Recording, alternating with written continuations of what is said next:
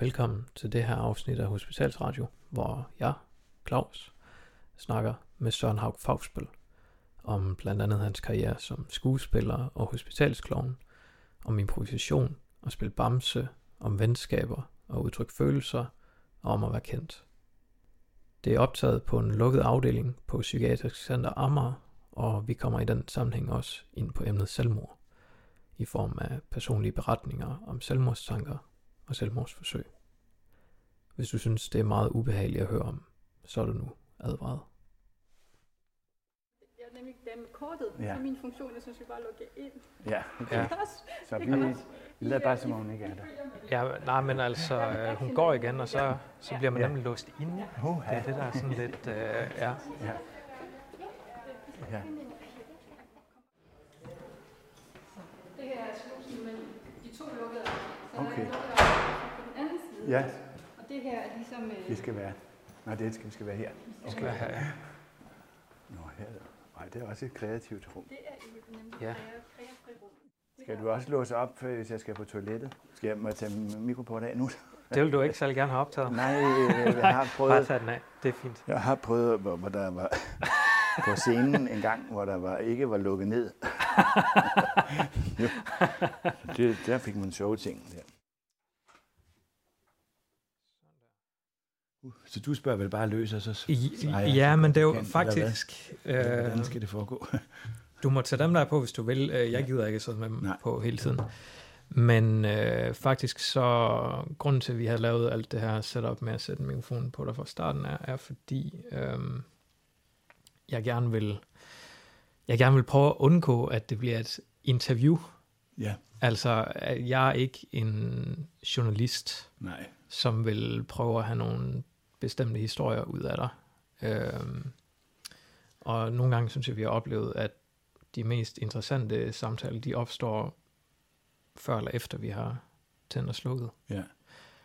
Øhm, så altså, jeg vil gerne have, at det bliver, at vi har en, en dialog, og Ja. hvis der er noget, du har lyst til at spørge om, om det her sted, eller om mig, eller noget, øh, så Ja. skal du også Okay. være meget velkommen til Ja. det. Øh, Ja. fordi øh, ja, nogle gange så har vi fået sådan det der spørgsmål om, hvad der egentlig er galt med jer. Jamen, jeg, jeg, jeg vil også gerne høre, hvad, hvorfor du er her. Ja. Ja, Der, er jo, der er jo så mange former for psykiatri, eller for ja, psykisk... ja det er der nemlig. Ja. Øhm, altså, jeg er, jeg er her, fordi jeg har været øh, indlagt her en gang. Ja, Øhm, her, hvor vi lige er gået igennem, der har jeg været patient af to omgange. Øhm, og øh, jeg har en diagnose på noget, der hedder øh, skizotypisk sindslidelse, eller Ja. skizotypi. Ja. Og det er noget, der ligner lidt skizofreni. okay. Det ligner meget skizofreni, men Ja. sådan lidt en mere let at håndtere, håndterlig udgave af det. Øhm, der er mange, som får den diagnose først, og så udvikler det sig til skizofreni bagefter. Men øh, jeg er så... Og det kan man hjælpe med alle mulige former for, eller få alle mulige former for hjælp til. Øhm, Hvordan? ikke så meget, som man kunne ønske sig. Nå, Men, øv.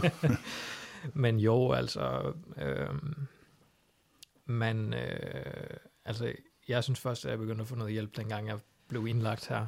Ja, dengang det ligesom var gået helt galt. ja, Øhm, det, var, det var efter et øh, selvmordsforsøg, ja, jeg så blev smidt herind. ja. Øhm, så det var en lidt, lidt anderledes måde, jeg kom herind på første gang. Det var to politimænd, der slæbte mig herind, Nå, øhm, som havde fanget mig, inden jeg nåede at gøre skade på det mig var selv. godt, de gjorde det. Ja, øh, tak. Ja. Altså, det er, jo, Ja. ja. det er jo svært at forholde sig til, når det er en selv. Altså, Ja, fordi jeg føler ikke, at jeg var øh, altså irrationel i Nej. det øjeblik. Nej, Men, øh, men altså, det, det, det er en voldsom måde at lige pludselig komme ind et sted på, og så bliver man, ja, når man er her, bliver man ofte medicineret ja, forholdsvis voldsomt. Så man, jeg kan ikke huske første gang, jeg var her, om jeg var her i to dage eller en uge. nej, Det hele det blød, flød bare ud. ja, Og øh, jamen, så kommer man så over på en åben afdeling, som regel, når man får det bedre. ja, Og øh, Men altså, jeg har ikke været, jeg har ikke været indlagt her som patient i, Nej, okay. i halvandet år. Nej. Og det, har du synes, du har det godt nu så? Øhm, ja, altså, jeg har det bedre nu, end Ja. jeg nogensinde har haft det. Nå, det ja. er da dejligt at høre. ja. det var godt at høre. Jo, tak. Øhm, Ja. Men øh, ja, det er jo lidt svært, hvad man lige skal fortælle. Nu har jeg siddet og, Mm. og snakket i flere minutter om at være syg, men altså, Nej, det er jo det. Jeg da gerne. altså, jeg har selv kun, altså jeg har selv tænkt på selvmord én gang i mit liv. en gang. Ja, der var Ja. ulykkelig forelsket som teenager. Ja, Men der hjalp naturen mig. Altså jeg kan bare huske, at øh, var et, øh, sådan en, en aften, hvor vi var på øh, klassetur. Jeg tror, jeg gik i 2G eller sådan noget. mm. Og, øh, og så min allerbedste ven, øh, vi lå sådan i soveposer, og så var der en af pigerne, som jeg var meget forelsket i, i samme klasse. ja, Og så den her aften, øh, så hørte jeg, at de var sammen i en sovepose sådan tæt på mig. okay. Og, og det slog, så, så blev jeg vir- virkelig, altså jeg var så dybt forelsket i hende, og samtidig Ja. var han min allerbedste ven. Ja, Og så okay. Okay. gik jeg ud, ud, det var ude på landet, og så gik jeg ud, hvor der var sådan en lille lund med træer, og det var tidligere om morgenen, det var mørkt, og så Ja. gik jeg ned der sådan en lille sø, hvor lå ligesom musekuen brygger sådan ja, tåge hen over søen der, ikke? Og så ned i det der sorte vand, ja, og så tænkte jeg, nu kaster jeg mig ud. Og så lige pludselig, så var der en solsort, der sang virkelig smukt. Og det tog jeg ligesom et tegn, og så, nej, så var det altså smukt. Og så gik det op for mig, okay, de skal være sammen, de to. Det er min bedste ven, og jeg elsker hende, og hun skal have det godt, så de skal bare være sammen. ja, Så siden har jeg aldrig tænkt på selvmord. Jeg tænker bare på det billede der, jeg, hver gang, jeg, hvis man er lidt trist. Mm. Eller, ja. Ja, nej, det var bare lige et sidespring. Nå, nej, det var absolut ikke. Det er sådan noget, øh, Ja. jeg meget gerne vil, vil have et Ja, okay. åbent kasal om herinde. Ja. Øhm, det lyder næsten som øh, sådan en... Øh, som om du prøvede at gøre dig selv til et moselig. En moselig. Ja, Ja. du kunne blive, blive bevaret for eftertiden. Ja, ja, det tænkte jeg nu ikke på lige der. Nej. Nej. Bruger du det så i dit, i dit skuespil? Altså, Altså- altså tænk på... Altså det gør man, det kommer meget an på, hvad for nogle roller man spiller. Det er jo meget forskelligt, heldigvis, hvad jeg spiller. Sådan komiske roller, hvor man ikke skal så dybt ned i sine øh, følelser, så bruger jeg jo ikke så noget så meget, men øh, ja, jeg vil, altså, når jeg får roller, hvor man virkelig, skal ned og grave i sine følelser, så bruger jeg da sådan nogle ting, jeg har oplevet i løbet af livet. Mm. Sådan øh, for, ulykkelige forelskelser, øh, nogle man har været vredet på, nogle man har været, ja, som man har savnet enormt meget, og Ja. Ja, alle mulige ting. Det bruger jeg da sådan øh, i, en gang imellem. ja. Øh, så, ja, så på den måde så bruger man, og så jo, jeg føler jo også, at jeg bliver en bedre og bedre skuespiller, som årene går. Ligesom, Mm. ligesom jeg også er klovn. Altså en klovn er jo ikke bare sjov, han har også mange andre lag i sig. Ikke? For jeg synes, en, en rigtig god klovn, det er en, der har mange lag i sig. Og man siger også om en klovn, at jo ældre han bliver, jo bedre er han. Og også som skuespiller, det synes jeg også selv, at jeg kan have meget mere erfaring nu, som, ja, nu er jeg 63, end jeg havde for, da jeg startede for over 40 år siden. Ja, Øhm, fordi jeg kan bruge så meget, jeg har så meget mere i kufferten, jeg kan bruge. ja. Ja. Så, Øhm, jeg, jeg, jeg ved ikke, om jeg skal prøve at lave en eller anden form for øh, introduktion, hvis, øh, hvis nu man har trykket på den her video, og man ikke lige kan huske, hvem det er, du er. Fordi jeg har, jeg har nemlig øh, sagt til flere forskellige mennesker, at jeg skulle snakke med dig, og Ja, de havde okay. vidt forskellige reaktioner. Nå, De fleste sagde, øh, Nå, det var ham, der var inde i Bamse. Ja. Og det er jo den nok den, du er mest tit. kendt for. Ja, den er meget, ja, det hører jeg meget tit. Men det er jo ikke... Øh, men det er jo ikke dit Men jeg- ansigt, man nej, genkender. Det er og jeg har din også begyndt at sige, nej, jeg er ikke ham, der er inde i Bamse, det er Bamse, der er inde i mig. fordi han er, altså nu har jeg jo ligesom accepteret det, fordi jeg var der jo i 10 år øh, i træk, altså hvor jeg til sidst øh, havde jeg en drøm efter 10 år, en, en, en, et mareridt, hvor jeg drømte, at jeg blev skudt med en maskingevær i Bamse-dragten. Okay. og så stod det bare sådan en, altså stråler ud fra, fra min krop, ligesom en, en si eller Ja. med blod, ikke? Jo, Og så tænkte jeg, når jeg vågnede, nej, nu, okay, måske er det et tegn på, at nu skal jeg lige stoppe lidt. Men altså, jeg var også blevet uddannet skuespiller. Jeg startede med at være bamse før, øh, før jeg kom på teaterskole. Øh, og så kom jeg på teaterskole og fik lov til stadig at lave bamse øh, under skoletiden, Mm. under min øh, uddannelse. Og så efter, så fortsatte jeg også. Men ja, hvor var det nu? Nå, men så, så stoppede jeg der, men så stoppede jeg jo ikke alligevel helt, fordi så var jeg med til at lære, oplære det nye, der skulle være bamser, og jeg var, var der hele tiden, så jeg har altid været der. Så. Okay. Og så er jeg kommet ind igen i 10 år i Circus Somarum, og på det kongelige, hvor vi laver øh, bamseballet med balletskolen. Så ja, Bamseballet. ja, fantastisk forestilling på det gamle scene med kapellet og balletskolens børn. Det er så flot og dejligt. Og Ja. Kylling og Elling er med på scenen, og hytten er med og kan køre rundt, og det er meget flot. Og vi skal forhåbentlig lave den en sidste gang i 22, men det bliver også sidste gang, fordi så er Kylling og Elling sådan cirka 75. Og jeg, og jeg er så cirka 65. Så kan vi ikke mere. ja, de kan ikke mere. Jeg håber, jeg kan lidt endnu, men... øh, Ja, men øhm, du har været bamse sådan lidt. så jeg har været ja, så næste år, så fylder han, altså i 2022, så bliver han 40 år gammel. Ja, Men han har, som jeg siger, han har været 5 år i 40 år. ja. Ja, Ja, han er jo en, som altså alle jeg kender er, er vokset op med. ja. Jamen, jeg møder jo så mange, og der efterhånden er det jo også anden generation nu. ja. Så nu er han virkelig, nu føler han efter en lidt gammel. Men øh, der, var, der var så også lidt nogle andre reaktioner. Ja. Der var en, som, øh, som sagde, øh, hun sagde bare putte ja. Ja. med det samme, Ja. da jeg sagde dit navn. Og det er jo også en, altså det er jo en helt anden rolle, Ja, det er, må man sige. Ja, en, en voksen rolle, men ja stadigvæk det er en voksen komisk teenager-pige, ja. som jo lavede den der julekalender, øh, Familie Andersens julehemmelighed, som Ja. ja. vi lavede i 1993, tror jeg det var. ja, 93, ja.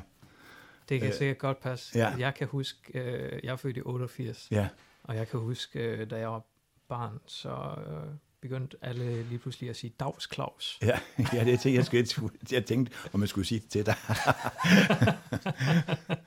Var det dig, der sagde det i julekalenderen? Ja, ja. Til ham? Ja, okay. Ja. Dags Jeg klart. synes nok, ja. Ja. Lige præcis. Ja. At det var det, der jeg hørte. Ja.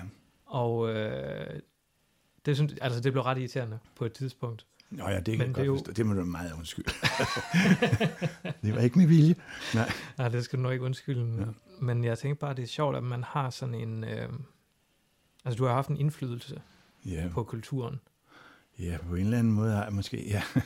Altså, at du har øh, været med i noget, hvor I sagde noget, hvor andre begyndte at Ja. sige det, altså at det blev så Ja, ja. integreret en del i Ja. kulturen, at nu er det bare, nu kender alle den der Ja. ja. Dags Claus, ja. men om alle ved, hvor det kommer. Hvor kom fra, er det jeg ved på, nej. Og så havde jeg jo også, jeg var også i Bornholmsk postbud, der havde jeg også en vending, der sagde, ja, den der røget. Eller Ja. hel, helvede og patter, så er den der Nå, røget. helvede og patter. Ja.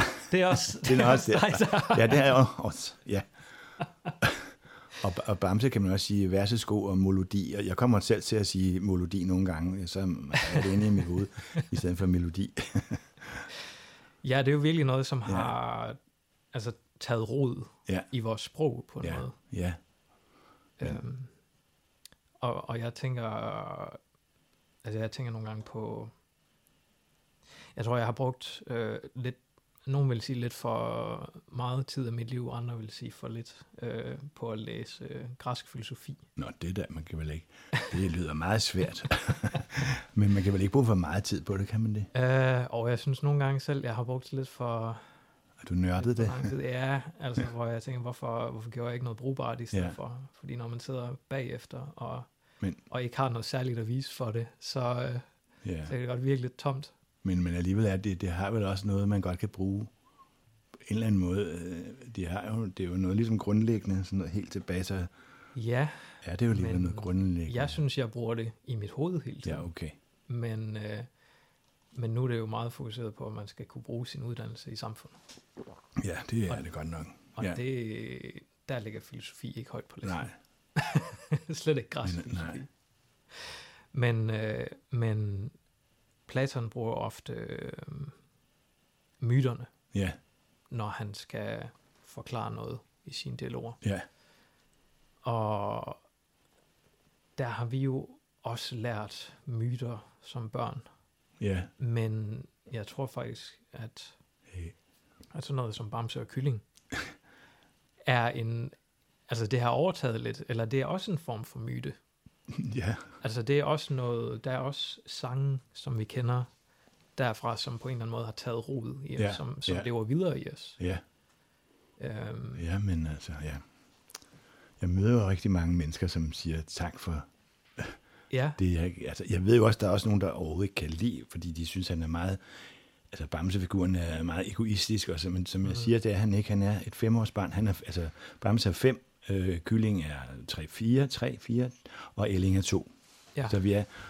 øh, Så Bamse er som et barn på fem år, som er egoistisk, men skifter et splitsekund til at være ked af det. Et splitsekund, så er han vred, så er han sur, så er han bange, så er han jaloux, så er han flov. Det skifter sådan der hele tiden. Derfor er han også ligesom en klovnefigur for mig. En klovn skifter nemlig på samme måde. De har rene følelser. De har ikke en masse bagtanker og øh, under øh, bevidste ting. Altså det, det, det er sådan helt rene følelser, der kommer ud. mm. Og, og følelserne skifter sådan bup, helt. kan du også Præcis. gøre det, når du så spiller klovn? Ja, det bruger jeg det også til. Altså, så bruger jeg også de der følelser. Øh, altså, så, er jeg bange, og så pludselig ser jeg et eller andet, så bliver jeg enormt glad af, som klovn. Altså, Ja, jeg bor, nu er jeg jo på to, to forskellige slags klovn. Jeg har været klovn i Circus Somarum gennem 10 år. Øh, Chico. Øh, og øh, så har, er jeg jo blevet hospitalklovn, som jeg uddannede mig til for fem år siden nu. Ja. Øhm, og han hedder Bip. ja, Og de to, de er forskellige på den måde, at, at man kan sige, at en klovn i, i cirkus, han er centrum i managen. Ja. Ligesom, alle kigger på ham. I, øh, jeg skal bare tjekke, at den op. ah, okay. ja, jeg, jeg, jeg er ikke gået. Fordi jeg står selv for al teknikken ja. I dag, så jeg er hele tiden nervøs for, at det går galt. Ja. Det, det ser fint ud. Det er godt. Og min, øh, øh, min hospitalsong Bip, der er det altså centrum, eller der er det barnet, der er i centrum.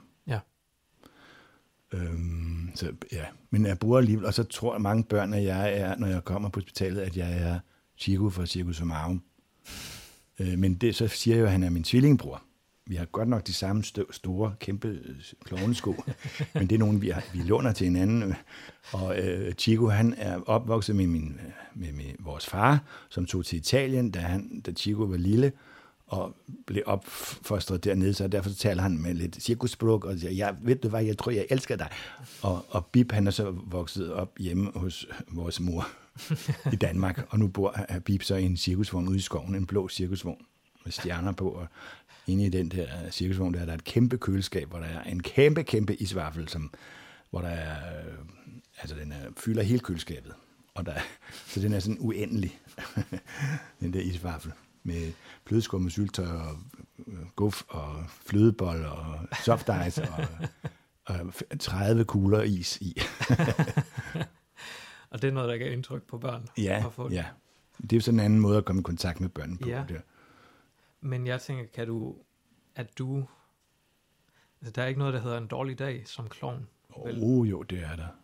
Men kan jo, du jo. godt gå rundt og være, Altså, det er noget andet med cirkusklovn, for det er ligesom et show, man kører, men øh, som hospitalsklovn, så er det jo nyt hver eneste gang. ja, Det, vi har ikke et show, vi kommer med.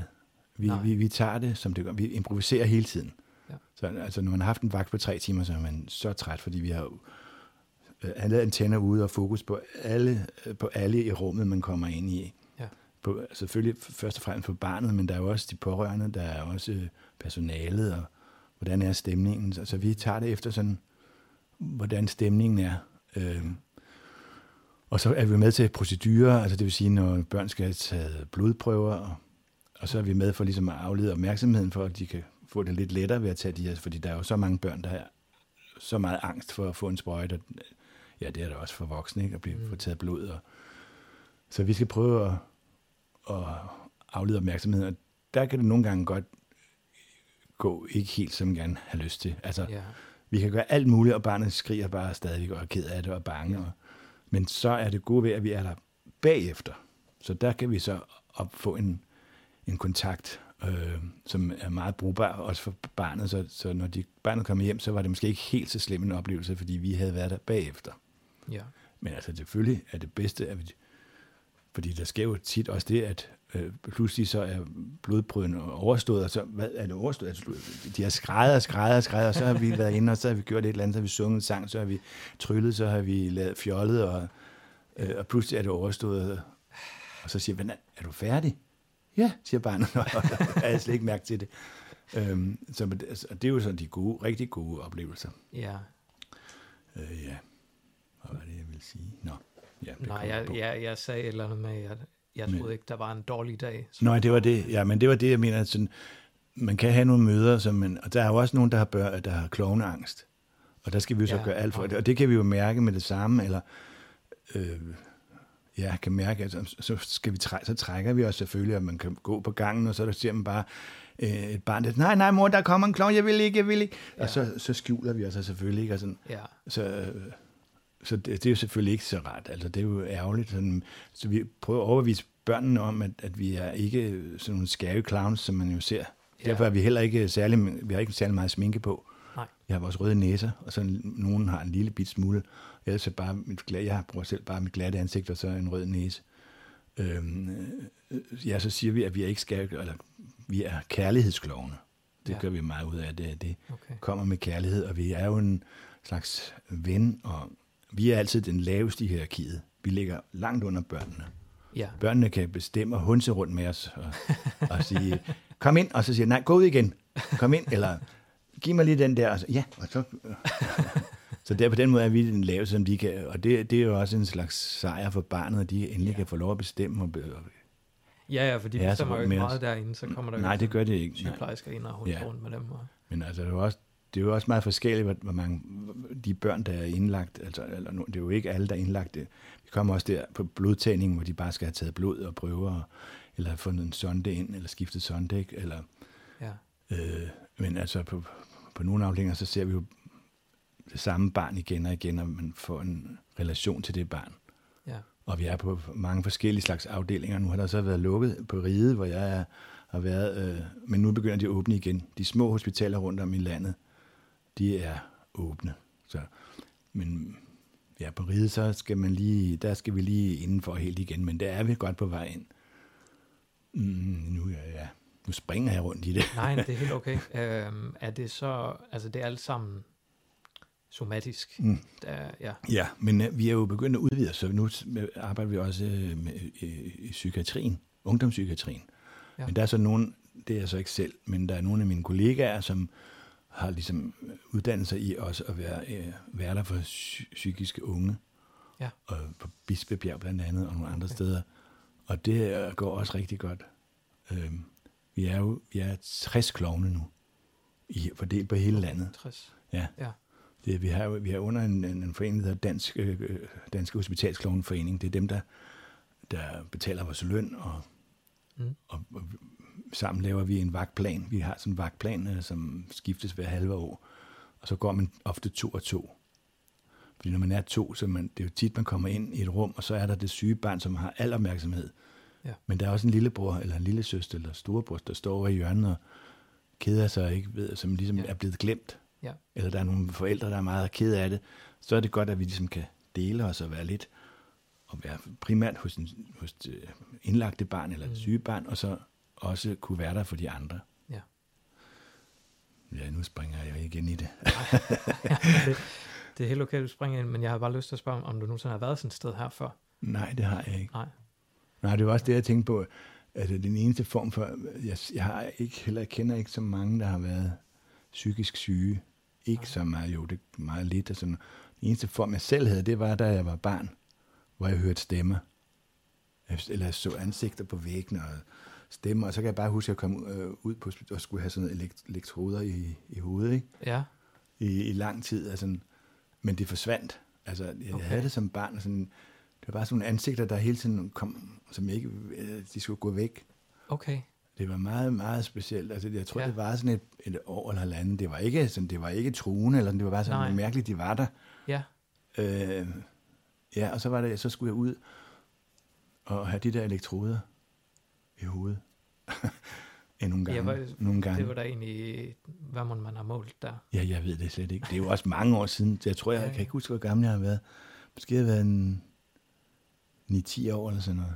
Okay. Ja, så det er jo ja, næsten Ja, 50 år siden. Altså, det er jo det, man vil kalde en synshallucination. Ja, det er 50 år siden. Så, ja, ja. En, en synshallucination. Hallucination, Ja, ja. ja. ja Øh. det tror jeg da. Ja, det var heller ikke så meget stemmer, det var mere de der ansigter. ja. Det var ikke stemmen, det var ansigterne, der kom. Ja. Nå, Jamen, jeg har selv, øh, jeg ser ikke selv ting, nej. men jeg hører musik hele tiden. Ja, Og øh, jeg kunne faktisk godt tænke mig at prøve at spille noget for dig, ja, fordi øh, det vil jeg gerne høre. Øh, jeg har... Det er ligesom at have en sang på hjernen, Ja, ja det kan men godt jeg har det bare hele tiden. Nå, okay. Men øh, skifter de så, eller er det den samme altid? Nej, det skifter, Nå, det er da meget men godt det kan så. godt øh, en hel dag være den samme. Ja, okay. Og øh, så er der en, en af sangene, som, øh, som du har været med på, faktisk. Nå, Fordi den er fra Bamse og Kylling. ja, Øh, den der hedder Nydningen. Ja. Og øh, det var en, som... Jeg har sikkert hørt den som barn, men det kunne jeg ikke huske. Men Nej. der er en veninde, som, øh, som sang den, og så spillede hun den for mig. Og ja. hun var nemlig meget glad for den. Og så fik jeg den på hjernen. ja. Og så er den på en eller anden måde blevet til noget andet Okay. inde i mit hoved. Men jeg synes selv, Øh. det er en dejlig sang. Ja, altså jeg synes faktisk lige, vi skal... Nu Ja, har jeg os klippet et den. stykke af den øh, ud, som, Ja. så folk lige kan blive øh, mindet om den. Mm. Hvis du tager din øh, hovedtelefon, Ja, så så, kan du- også få lov at høre dig selv. Ja, Og hvis der vil, må der godt komme flere. Der er nydning nok til, så nu kom der lidt mere. Og hvis der vil, må der godt komme flere. Der er nydning nok til, så nu kom der lidt mere nydning her til os.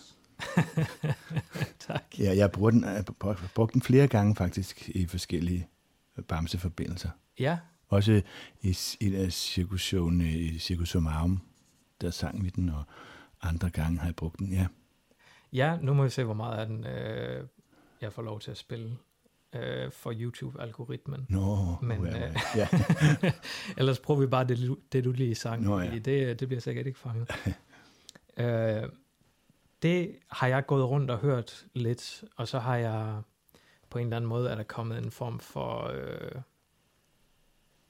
guitar solo ind over det. Nå, Ja, ja, og det øh, så var jeg til sådan en musik øh, workshop øh, med et band, der hedder Marshall Cecil, hmm. og med Lotte Arnsbjerg. ja, men Så- Lotte, ja. Ja, hende kender du. Ja, hende kender jeg godt. Jeg har været på turné med hende og spillet forestilling. ja Det var faktisk, der spillede jeg faktisk en, en, en figur, der var psykisk syg. Okay. man lige pludselig tanke om. ja, Ja, men det handler jo også meget om ja, sårbarhed i hvert Ja. fald, øh, det Lotte, hun laver. ja, Men øh, der tog jeg så det her med, altså jeg tog ikke, jeg kunne faktisk ikke huske, at det var den her sang. Nej. Jeg tog bare det med, som jeg havde fået ud af den her sang. Ja. Og så prøvede at transkribere det over Åh. på en guitar, ja. Ej, det, og så viste det til dem. Så det blev lidt sådan en, øh, hedder det viskeleg, det der, hvor der er en, der visker noget i øret Ja. på en, og så ja, kom det igennem flere forskellige led, og det vi, øh, det vi så endte med, ja. det var at indspille øhm, det her. Ja,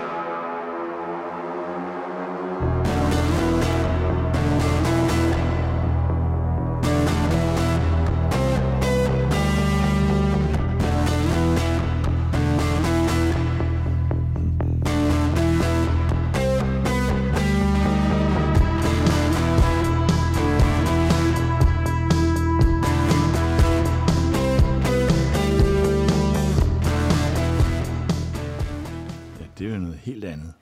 Det er noget helt andet, og jeg ved ikke, om du overhovedet kan genkende øh, noget af det, men Når jeg prøvede lige at se, hvor pokker er det, og vidste, hvor er det hen? Ja, jeg tror mest det er den der, Det, må der godt, nå, det er den der, ja, ja, må der godt, der komme flere. Ja, men den er meget, altså den er jo i hvert fald blevet øh, rusket godt og rundt i. ja, men det er jo kun godt, at man kan inspirere til noget andre til noget andet. Ja, og det var nemlig det, jeg tænkte med, med den der form for, at du, dit arbejde, det lever videre på en eller anden måde. Ja. Fordi det her er jo ikke noget, som, Nej, så har det givet inspiration til noget. ja. Ja. og hvor meget må der ikke er af alt den slags, som, Ja, det som man ikke- slet ikke ved. Ja, som man ikke ved noget om, nej. Og sikkert måske dem, der Ja. selv laver det. Ja, ja men der blev faktisk, fik jeg en henvendelse fra nogen, der vil, også vil lave nogle bamsesange, som de vil lave helt om. Øh, men det kunne jeg jo ikke give tilladelse til, fordi det er jo ikke mig, der har lavet musikken, og sådan, så Nej, de skulle gå videre med det, og så jeg tror ikke, det blev til noget. Så Nej. de, de lavede, har arbejdet med en masse med at lave en masse børnesange, øh, altså, altså få inspiration af dem, ikke? og så lave dem om til deres eget. Mm. Så ja, Men jeg- så jeg ved ikke helt, hvor den er havnet. Nej. Nej, det her er vel også, øh, altså det er vel Aske og Alberte, der, Ja. der står Nej med. det, nej, det er Aske Benson og så Jan Rørdam. Jan altså Rørdam, det er okay. Albertes tidligere mand. Okay, Det er dem, der har lavet al musikken, de to. ja, Altså først var det Aske Benson, og så senere kom Jan Rørdam på. Og så til sidst så lavede Jan Rørdam kun musikken. Ja. okay. Men der er lavet så mange sange. Fordi der er jo også kommet nogle nye, det hedder Bamses Lille Bitte Billedbog, tror jeg den hedder. Ja. Hvor der er nogle en hel masse nye sange, som Henrik, på det tidspunkt var Henrik Løkgaard også Bamse. Vi havde lavet nogle nye øh, tv-udsendelser, og vi spillede begge to. Og vi, så der skrev vi teksterne, Henrik og mig. Og Jan Rørdam lavede musikken. Og der er også nogle rigtig gode melodier der. Mm. Øhm. Ja, nu, nu blev jeg helt øh, fyldt ud af den, fordi jeg skulle spille min egen øh, Nå, musik for dig. det var da godt. Det var hørt, altså ikke godt, at du blev hyldet ud, men det var da godt at høre det. Ja, jeg har ikke, øh, jeg har ikke afspillet det her for nogen før. Nå, Men øh, var det... Nå, det var måske... Men det var, da, var det ikke dejligt? jo, jo, jo, jo. Øh, men, øh, men jeg sad og havde et eller andet andet spørgsmål i tankerne nemlig. Nå ja, det var fordi, ja, jeg sagde Alberte. Og Ja, var, det ikke, var det sådan et, en form for familieforetagende Bamse i starten? altså det blev det jo på en eller anden måde. altså fordi øh, i hele starten, da Bamse blev født, kan man sige, det var 1982, og den på udsendelsen hed Døren går op, og hvem kommer ind? Det var sådan et lyserødt rum, og det var Thomas Vinding, der lavede det. Men øh, min store søster, halvstore søster, Katrine Havfagsbøl, som jo var gift med Mogens Vemmer, som var chef for, for det, der hed B&U dengang, mm. før Ramachan og alt det her. Øh, de, øh, Katrine og Thomas, og så en, der hedder Finn Benson, de skulle lave nogle nye børneudsendelser, og øh, den her døren går op, og så havde Katrine sagt, at hun synes, der skulle være en stor bamse med. Og så havde de siddet ved køkkenbord og, og snakket om det, og så havde Finn Benson, som lavede masser af børneudsendelser dengang, siddet og tegnet på en serviet, hvordan den skulle se ud, og så viste den til Katrine, ja, sådan skal den se ud. Øh, så, så det var dem, der ligesom skabte figu- sådan selve figuren, når den blev syet, og så blev jeg så spurgt, om jeg ville være inde i den. Så på den måde var det, så blev det lidt familieagtigt. Og så senere, så kom Alberte på, Ja, fordi vi skulle finde en, der skulle være Luna, og okay. øh, ja, og så, altså, øh, jeg kan snart ikke huske, hvordan det blev til, Jamen, så, så, så tænkte vi på Alberte, fordi dengang var hun jo ikke, der var hun meget ung, og der, hun, hun havde ikke sådan sin egen karriere endnu Nej. på det tidspunkt. Øh, så hun blev spurgt, og, og, og så lavede vi nogle prøveoptagelser, sådan, og så var det bare, fungerede det bare så fint. Ja. Så hun var jo med i mange, mange år. Men det var også hårdt for hende, at det var hårdt. Jeg tror, hun stoppede til sidst, fordi alle... Altså, jeg var jo ligesom gemt i en dragt, selvom jeg også... Jeg ved ikke, hvor... Folk vidste alligevel, hvem jeg var. Altså, ja, det var mig, der var Bamse. Der sagde hej Søren til dig her. Ja, ja, det ved jeg ikke, hvem... Jamen, det er der mange, der gør. Ja. Ja, Øh, men, men i hvert fald så... øh, Ja, det var hårdt for Albert til sidst, fordi alle forbandt hende kun. Og Ja. på det tidspunkt var hun begyndt at lave sin, sit eget band, og ja. sammen med Jan Rørdam, ikke? Og så hun holdt op til sidst. Jeg tror, det, ja, jeg tror, det var hårdt for hende til sidst. Og ja. også faktisk i flere år bagefter. Nu okay. er hun ligesom kommet. Nu, når hun tager ud og spiller, så, så, så synger hun øh, blandt andet den, der hedder Op til dig. Ja. Det var ikke det, jeg ville. Jeg var op til dig. Ja, ja det er en dejlig sang. Den elsker jeg også. ja, det er også en af mine øh, venindes yndlingssange. ja, Hun er faktisk, hun øh, havde det også svært med Bamse, da hun var lille. ja. Hun har fortalt mig, at hun, øh, hun plejede at hoppe op øh, i en stor lænestol. Hun løb op og sprang op i den og gemte sig Nå, i den der lænestol, når det blev for pinligt. nå. Blev Hvor gammel var hun, da hun... Kan du huske det? Ja, sikkert ikke særlig gammel. Nej, okay. Altså, det, Men det kan være, fordi hun øh, så associerede sig med enten kylling. Ja, for Elling kom først på ret meget senere. Faktisk. nå, okay. Mange år senere. Ja. Jamen, altså, hun må jo have været gammel nok til at, at kunne mærke, at Bamse var pinlig. Ja. Ja. Ja, det så kunne han godt være. Lidt, så, så åbnede hun øjnene, og så så hun det sådan lidt på hovedet. Ja, okay. Og så var det åbenbart lidt Jamen, sådan, lettere for sådan har jeg haft det med, øh, jeg lavede, spillede jo også øh, Drillenæsse i Bamses julerejse. Ja, Der var, var der mange, der blev bange for mig, faktisk børn. okay. og som gemte sig, og, som, og alligevel skulle de lige kigge, fordi han var lidt uhyggelig, ikke? og han, ja, jeg har øh, har også mødt nogen, der som sagde, er du klar over, hvor, hvor, hvor bange du gjorde mig? Nej, undskyld. Og, så, og der var jo nogen, der syntes, det var bare, han var sjov og fjollet, og det synes jeg jo også selv. Ja. Jeg synes, det var så sjovt at lave det. Og pludselig at tage bis på, øh, på, på Bamse, som jeg selv havde skabt.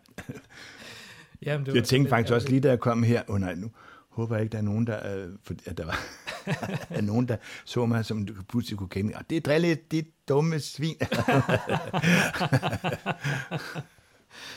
Nej, men heldigvis, det er jo derfor, Nej. vi har øh, låst. Ja, det er jo godt. Herude, og der er hegn for. så, Ja. øh, ja. Øhm, nej, men det var måske lidt ærgerligt så, at det var der, hvor du brugte dit eget ansigt. ja, men nej, jamen, jeg havde det så, jeg havde jo en fest med at lave det, så jeg, jeg var lidt, selvfølgelig lidt ærgerlig over, at der var nogen, der blev bange for mig, men samtidig så gør det, altså så børn har også godt af at blive lidt bange og utrygge. De skal jo ikke bare pleases hele tiden. Nej. Nej. Nej, det var absolut ikke, øh, det var ikke det, jeg var bange for, da jeg var Nej. barn. Men jeg kan huske, at jeg havde mareridt om øh, øh, Jurassic Park. Åh oh, ja, Fordi den havde jeg set ja, som helt lille. ja. Og øh, den der scene, hvor Tyrannosaurusen bryder ud. Ja, den, den, Den- det var den- meget mere voldsomt. Ja. Man sige, end en drillenæse med Bamse. Og, Men det var, jeg tror måske, så havde jeg oplevet det, og så en drillenes var ingenting. nej, Øh, nej, det, ja, det ved jeg ikke. men var det Men samme? fald det var det måske. Var den der? Fordi jeg tror, vi lavede Bamses julerejse i 96. Og den er fra 96, okay. Ja. Nej, men, jeg, Men det har det så været genudsendt. Den er sikkert genudsendt. Ja, Ja, ja. ja det Nej, blev den jo. Øh, nej, jeg synes nemlig, jeg kan huske, at der var andre fra klassen, der gik rundt og sang de der Ja. julesang fra Ja. Bamse, som jeg... Skal vi bytte vores huver? ja, der står i branden og luver. Ja, han var jo meget forelsket i Luna. Er, er drillnæsten for Ja, han er Okay. så forelsket. i- Ja, Okay. Er det ikke... Ja, hvordan er det at skulle spille forelsket i en, i en man kender? men er altså, det, når det var Alberte, så var det ikke så svært. Okay, Hun var, hun var dejlig. Ja, ja. ja. Øhm, nej, det...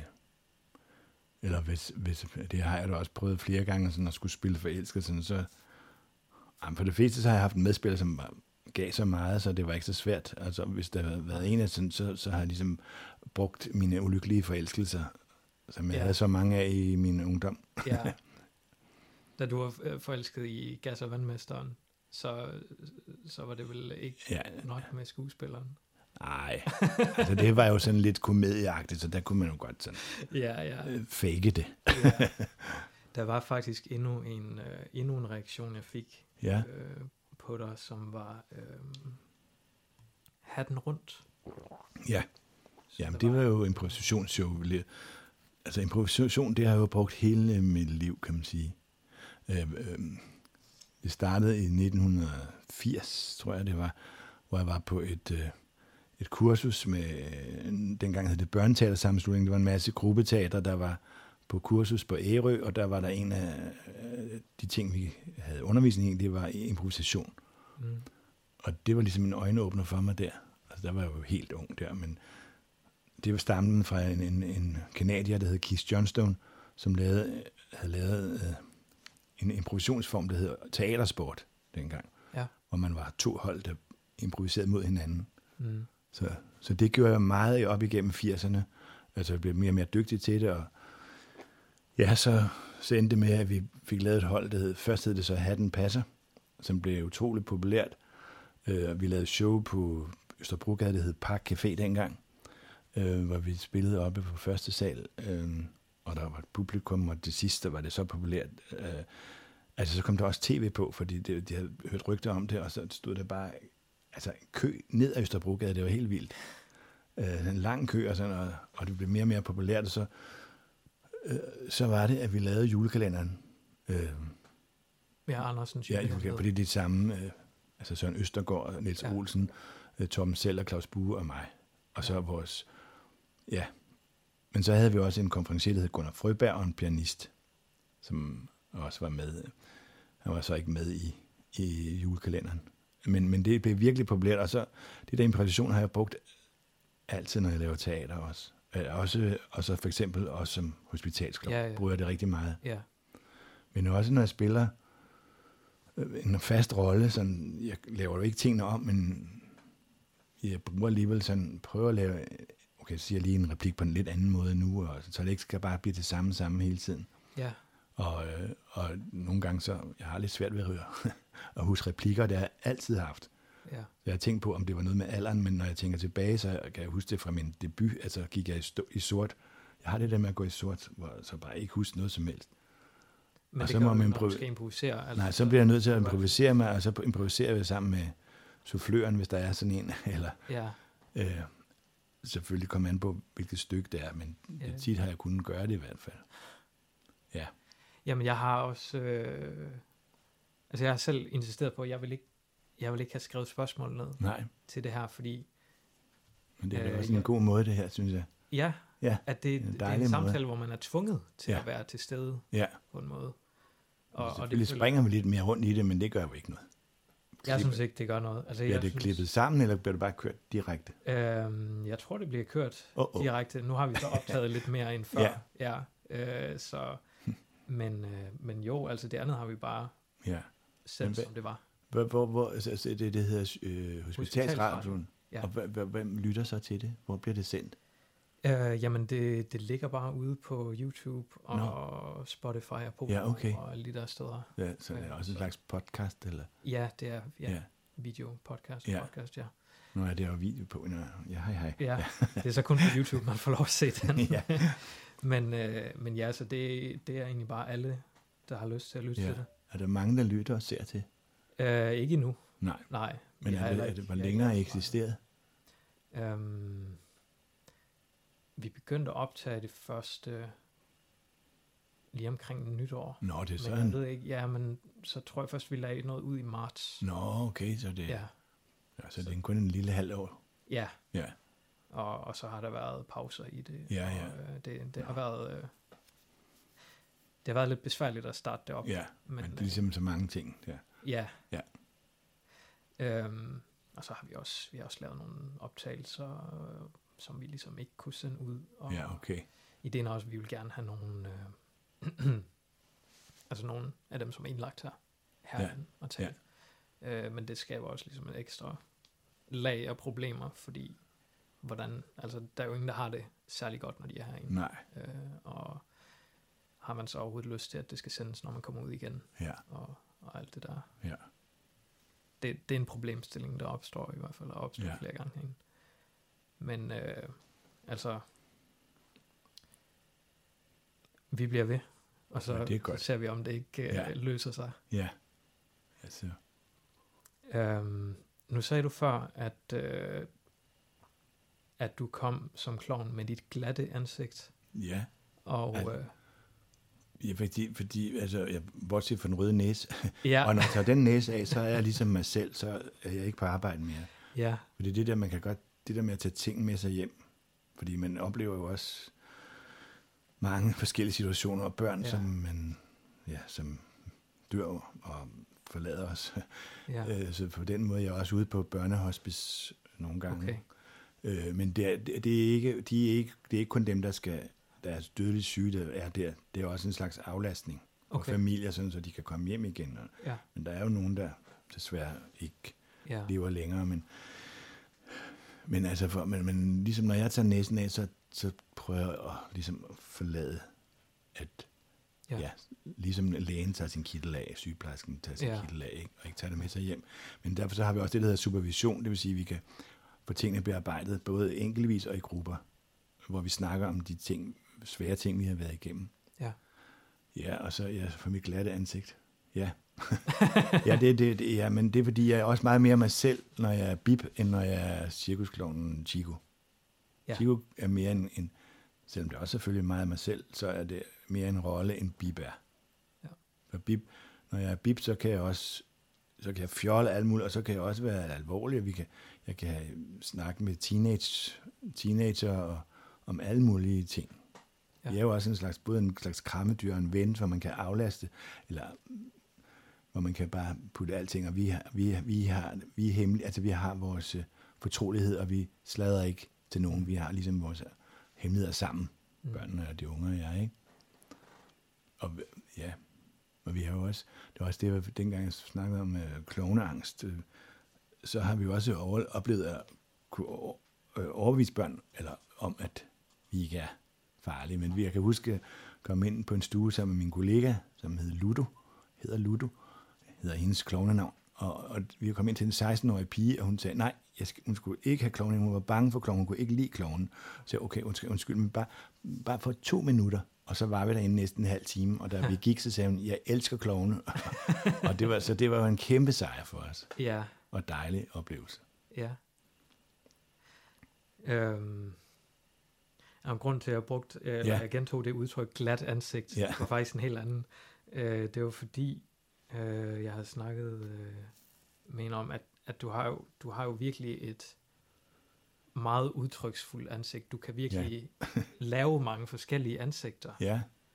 Og, og, og det er noget, som jeg ikke selv kan. Altså, jeg har nærmest øh, næsten ingen ansigtsudtryk Nej. for det meste. Og, og jeg har meget svært ved at udtrykke øh, glæde og sorg.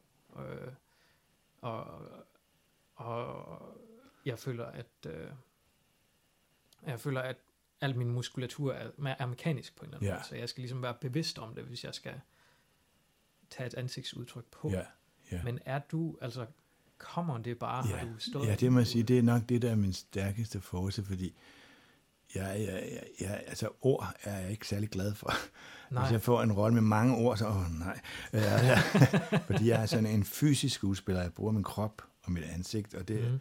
og det tror jeg, det jeg altid gjort, siden jeg var barn, og det er ligesom, øh, jeg tror, at det, ja, det fysiske, og det, jeg var meget glad for mime, og sådan, da jeg var barn også, og kropslige udtryk, og klovnen, som, for som sagt, ikke? og de siger jo ikke så meget klovnen. Nej.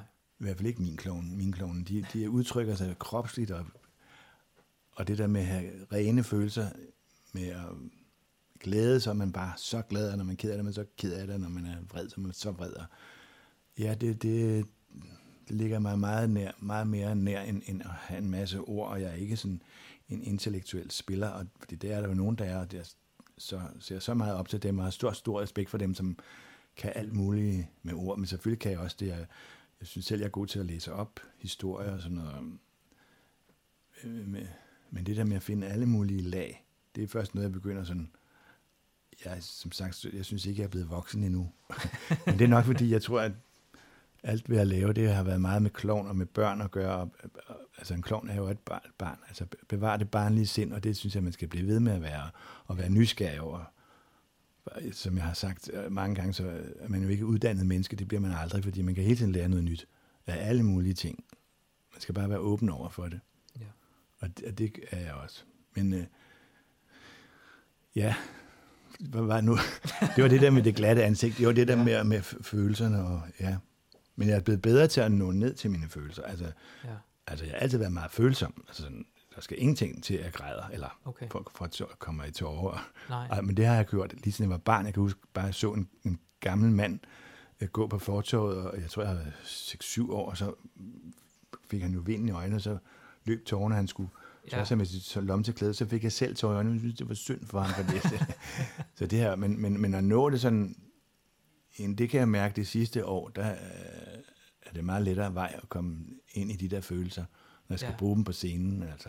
Ja. Spillede en rolle her for to år siden på Vendsyssel Teater oppe i Jørgen. Et, øh, sådan et klassisk stykke af Ibsen, der hedder Et dukkehjem, hvor jeg skulle spille en Dr. Rank, som var sådan sygeligt syg, og ja. vidste, han skulle dø, og han var forelsket i, han, havde, han var sådan en husven øh, til et par, og han var meget forelsket i hende. Ja. Og altså, der, der, der, der græd jeg hver aften stort set, fordi det var, jeg, var, jeg var både sjov, og, og publikum både grinede, og de græd. Og det er som den største, det største mål, jeg kan få, og den største glæde, det er at få folk til at grine og græde, eller føle sig rørt. Så det, og det prøver jeg også lige i øjeblikket på en rolle, jeg har i Sommer i Tirol, som jeg spiller ind på Folketeateret. Okay. Ja. Hvor nu spiller en gammel kejser på omkring 90. Ja, Men som også bliver meget bevæget og rørt. Ja. Det, det, går også, det kommer også lettere til mig, de der følelser nu ja. med alderen. Ja, men du, altså nu er du jo mest kendt for det, for det Ja. sjove, men du Ja. har jo også, Jamen, jeg har også en, den der mørke dæmon, eller hvad skal Ja. man kalde Og det vil jeg så gerne bruge meget mere af, for jeg synes også, det er sjovt at bruge den anden side, fordi jeg tror, man kan alt. Jeg tror, man har alle følelser i sig. Det er bare om at finde, trykke på den rigtige knap og finde den rigtige vej ind til det. ja, Øh, og det er blevet bedre og bedre til, altså, når, så jeg kan godt, der er også mange, der har sagt til mig, okay, du er ret uhyggelig lige nu. Og sådan.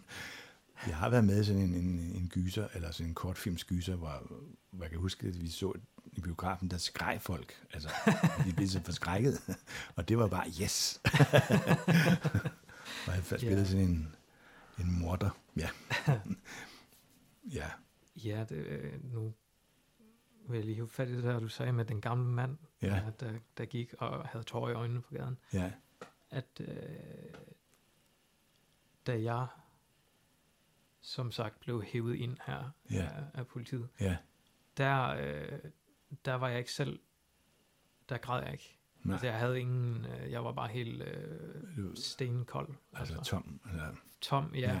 ja. Øh, jeg var meget trist, men Ja. ikke, øh, jeg tror ikke rigtig, jeg kunne give udtryk for noget. Nej. Og, og så gik der et stykke tid, og så blev jeg flyttet over på en anden afdeling, og så var ligesom, så havde jeg det bedre, fordi jeg var væk fra mit eget liv Ja. derhjemme på en måde. Og så, havde, jeg- så var jeg egentlig gladere, end jeg plejede at være. Og så var det først, da, da jeg mødte en, øh, som var det, der hedder recovery mentor herinde, altså Ja. som selv har været øh, patient på et Ja. tidspunkt, som, som så kommer og taler, i stedet for en hospitalsklovn. Ja, ja. Så har vi en Ja, ja, en- man kan tale med. Jamen, det er også godt. Ja, øh, og så snakkede jeg med hende, og så lige pludselig lagde jeg mærke til, at hun havde øh, ar på halsen. Oh. Og øh, jeg nåede slet ikke at spørge hende om, hvad der var sket med hendes hals. Det kom Nej. bare ud af mig. Altså begyndte jeg bare at græde Nå. virkelig voldsomt. Og det var ja. først der, det kom, da jeg så det på en anden person. Ja, ja, Fordi øh, altså det var det, jeg havde tænkt mig at gøre med Ja. mig selv. ja, det er det. Øhm, Ja, ja. Og det, var, og det varede faktisk hele dagen. Altså gik det over igen, og så gik jeg udenfor, og lige pludselig så var jeg bare helt ødelagt ja. igen. Altså der er et eller andet med at se en, en anden person, ja. ja. og det er vel det, en skuespiller kan på en eller anden måde. Ja, selvfølgelig, at man skal spejle sig sådan... det der. Altså nu, for sådan helt banalt, så, så når jeg er Bamse, så kan børn spejle sig i Bamse eller Kylling eller Elling. De spejler sig i de her figurer. Ja, Og det, og det er jo også det, når man fortæller en historie på, på et teater en, eller en film, eller hvor man, så vil man gerne fortælle en historie, som folk kan blive rørt af, eller blive påvirket af, eller hvis det ikke bare er sjov og fis og ballade, det Ja. hele, ikke? Men, og det er det heldigvis ikke. Men nu tænker jeg lidt der på selvskade, fordi jeg, jeg følger faktisk nogle profiler på Instagram. Nogle Ja. unge piger, som har været ude, lavet en masse og sådan. Mm. Og de er jo, de er jo også blevet store eller sådan inspiration, for de prøver på at fortælle, at det skal man, eller på deres måde at lægge ud. ja. Og det er, ja, det er bare rystet over, hvor, hvor mange der er, og hvor, hvor, hvor, puha, hvor, hvor, hvor hårdt de har, har det, og har haft det. Og, ja. Ja, øhm, Ligesom med stress, det er også blevet mere og mere udbredt, at man får stress. ja, har du Ja, haft stress? Øh, nej, det tror jeg, jeg har været rigtig god til. Jeg, jeg er god til at ligesom sige, nej, nu holder jeg en pause. Jeg er god til at tage mine de der... Jeg har haft travlt, altså jeg har haft sindssygt travlt, men øh, Mm. jeg har været god til at tage pauserne. Der var en gang, hvor jeg troede, nu dør jeg. og det var, da vi lavede, faktisk, da vi lavede øh, julekalenderen. Ja, Altså der i 93. Fordi der var jeg... Øh, der lavede jeg re- revy i Aarhus om aftenen. Så dengang, så, der var der nattog hvor med kupéer, altså en sovekupéer. ja. Så tog jeg sovekupé efter showet om aftenen, om natten, og kørte til København. Så var jeg der halv syv, og så var jeg ude i tv-studiet klokken 7 om morgenen, hvor jeg så, øh, hvor vi filmede til klokken lidt i 12. Så tog jeg til prøver på et te- teater, der eksisterer mere, der hedder ABC-teateret. Der prøvede jeg så til klokken 4. Så kan jeg ikke huske, hvordan jeg kom derfra. Fløj, eller, eller nej, jeg tog nok et tog eller, til Aarhus for at spille revy om aftenen ja. og så tilbage igen. Altså, det gjorde sådan en periode på 14 dage, og der var en aften, hvor jeg pludselig så mig selv, altså, så øh, hang jeg sådan, du ved, sådan ud af kroppen øh, oplevelse, hvor jeg øh, svævede op i, i loftet af sovekubinen og så ned på mig selv. Og sagde, uh, nej, nu, nu, nu, nu er jeg ved at trådt ud af, min, nu er jeg ud af kroppen. Det er en oplevelse af, at jeg er ved at dø, eller hvad? Men det var altså ikke. Jeg sidder jo stadig. Og det er mange år siden. Men ja, det, det var sådan lige, der var jeg virkelig, uh, og jeg kan også huske, at jeg gik, altså gik, gik helt i sort en morgen, når jeg skulle synge den der puttesang. Og alle mænd vil elske mig, når jeg kan gå og strutte. og der gik jeg helt i sort, og jeg kunne overhovedet ikke huske, når jeg brød grædende sammen, og, fordi jeg var så træt og, Ja, og stresset der. Men bortset fra det, så synes jeg, jeg har været god til at, at tage pauser og, ja, og trække mig ind i mig selv, eller gøre et eller andet, som bare lige Ja. får mig ned og ikke stress. jamen altså stress kan jo udløse de der psykotiske Ja. symptomer Ja, det hos det folk, som ellers ikke er det. Ja, og der er så mange, der får det, synes jeg, Ja, i dag. Der er så mange øh, ja, påvirkninger udefra, ja. og Mm. stress-ting. Jeg kan slet ikke håndtere stress. Nej. Øh, jeg har en meget, meget lav stresstærskel, så jeg går helt i, i sort med det samme, Ja. og min hukommelse forsvinder Ja. fuldstændig. Og, Og du har ikke et eller andet værktøj eller noget, du kan bruge. Altså sådan, ja, nej, jeg tror bare, at min værktøj er at ikke lave for mange øh, ja det er det. Så skal man, affalder. ja, og Ja, så skal man sige, og det, jeg har jo altid været dårlig til at sige nej, men nu er jeg blevet meget, meget bedre til at sige nej. Ja, Og det er det, man også skal lære at sige fra. ja. Det tror jeg også kan hjælpe rigtig meget. Ja, øh, for mit vedkommende sikkert også at øh, prøve at lade være med at tage ansvar for alting. Ja, og, det kender så, det har jeg, ja. Tag alt på sine skuldre. Ja, Det jeg ofte gjort sådan, ja. Jeg har fået at vide at tage mig mere af andre end mig selv. Men det er så blevet begyndt Ja. at blive bedre til. okay. Det har jeg også fået at vide. Ja. Og så får jeg at vide, at jeg skal tage mig noget bedre om, sådan jeg, ved- jeg er ikke sikker på, så har man hele verdens å på sine skuldre, og det kan man bare ikke. Nej. Og ligesom, ligesom lige sige til sig selv, okay, det kan jeg bare ikke. Mm. Og så må man lade det gå, og så, Ja, så skal det nok gå alt sammen alligevel. ja. Altså, jeg synes jo... Jeg synes, det er svært at ligge sådan noget som øh, for eksempel øh, øh, klimaforandringer. Ja, det Fra er det også. Altså, jeg Men det tænker... er jo også noget der, ja, Ja, og det er jo ikke noget, som nogen af os individuelt kan gøre noget ved. nej, jo, jo, det kan vi jo, altså vi kan jo godt hjælpe lidt, vi kan jo gøre nogle ting, men i det store, Vi kan hjælpe meget Ja, lidt mm. hver, hver individ, ja, men, men alle er ligesom nødt til at stå sammen for Ja. at ændre det, Ja. det store problem. Ja. Øh, men, øh, ja, men, men det synes jeg er noget, der stresser ja, enormt meget. Og, også. og, og så er det bare sådan en, en dyne, der ligesom altid ligger der. Ja, Som sådan et å, man altid går rundt og bærer på. ja, Det ville jeg egentlig ønske, at jeg kunne lade være med. ja. Men øh, Ja, men det, det, det er jo selvfølgelig det er en meget svær ting, hvordan man skal handle, ja, hvordan man ja. Skal handle det. Altså, jeg har to voksne døtre nu, og den ældste datter er 27, hun vil gerne have børn. Øh, min yngste datter på 24, hun vil ikke øh, sætte børn i den her verden, og det er jo også Nej. forfærdeligt trist øh, ja, at have den følelse. Og, Ja. ja. men, øh, ja, men jeg er jo også en, sådan en, op, en, en optimist, jeg er et optimistisk menneske. Mm, Øh, det, det, lever jeg højt på at være optimistisk. Ja. Øh, fordi det tror jeg kommer længst med at være.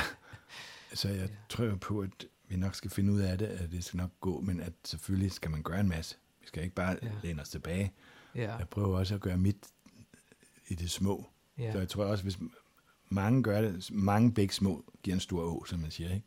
Jo. Men Så- tror du, det er noget, man selv kan styre, om man er optimistisk? Fordi jeg er et Ja. meget pessimistisk menneske. Ja, ja, det ved jeg ikke. Jeg tror nok, jeg har altid været optimistisk. Ja. Øh, for det er nok, fordi jeg havde en far, der var meget pessimistisk. øh, sådan, øh, og så har jeg tænkt, sådan vil jeg ikke være. Ja.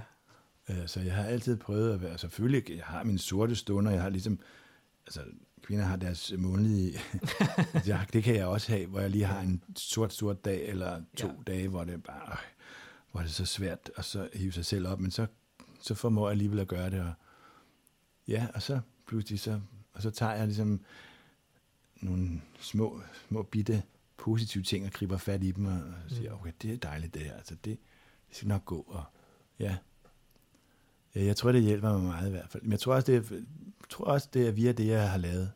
Det med klovnen og med at, og, at arbejde med børn, og, som jeg jo ikke kun har lavet. Jeg har, jeg har fået lavet en hjemmeside. Hvis man går ind der, så har jeg et CV, som bare fylder Altså når jeg ser på det, så du godste, har jeg lavet så meget. øh, det er helt vildt meget, hvad jeg, meget jeg har lavet. Øh, Ja. Hvorfor sagde du det? Jamen, det var... Jamen, noget, noget med, Øh, ja, med at være positiv. ja. Ja. Jeg kan ikke lide det. Nej, nej, nej. Det, det behøver vi ikke grave mere i. At jeg synes egentlig, øh, ja, nu graver jeg det frem igen, men noget af det, du sagde allerførst med, med din, din oplevelse der, hvor, hvor, hvor du øh, overvejede at begå selvmord. Ja, Øh, det var jo også et græn af positivitisme, det, altså at være positiv. ja, at du Så kunne med vende det. Vende det, ja. Ja, Og det, Det tror jeg jeg også, øh, jeg tror måske var det ligesom en, ja, måske var det der, at jeg ligesom fandt ud af, at det der med at være positiv, det, var, det kunne man godt bruge til noget. Altså det kunne man. Ja. At det var fordi, at da jeg var barn, jeg kan da huske, jeg var, kunne da være, også være virkelig ked af det og sådan noget. Jeg, var sådan, jeg troede ikke på Gud, men jeg sagde nogle gange, så lå jeg på knæ ved min seng, åh kære Gud, lad mig dø. Og sådan, fordi jeg var så trist og så ked af det, og ja, Øh, og det, jeg ønskede selvfølgelig ikke at dø på nogen måde. Det var bare, det var bare jeg, jeg har altid været meget dramatisk. Jeg har også fået at vide af min, af min ekskone og min børns mor, at jeg er meget dramatisk, og det kan jeg godt være. ja. Men det vil også, altså det vil, øh, med det arbejde, du har, er det jo en god ting. Ja, ja, det er det. Jeg nogle gange kan måske være lidt for dramatisk. Jeg tror bare, jeg er dramatisk oven i hovedet. Og så, så kommer det ikke ud. Jeg kan ikke finde ud af at, at agere dramatisk, fordi jeg synes, Nej. det, det bliver for pinligt, så jeg Ja. ja. holder det hele inden. Ja, det er der, man skal lære at komme ud med det. Jeg tror du, man, jeg altså, ved tror, ikke, du, tror du, jeg vil kunne lære det gennem skuespil? Ja, det er et godt spørgsmål. Ja. Men jeg tror ikke, det er jo ikke altid kun ved skuespil. Man skal jo også gøre det sådan, når man er privat, tror jeg. Ja, ja. ikke at holde alle følelser tilbage. Og i sig. Nej, altså, nej, jeg mener også øh, sådan en, altså hvis, hvis nu jeg kunne lære at, øh, Det kan godt at være, at du mig bedre, tror ja, jeg. men det kan jo godt være, at man godt kan bruge det sådan, ja, psykisk, altså øh, Ja. ved at, at lære nogle, altså prøve, prøve, i hvert fald i et lukket rum, hvor man bare er nogle få, Ja, hvem får noget dramaundervisning, og så f- komme ud med det. ja. Ja, man har jo så mange ting i sig.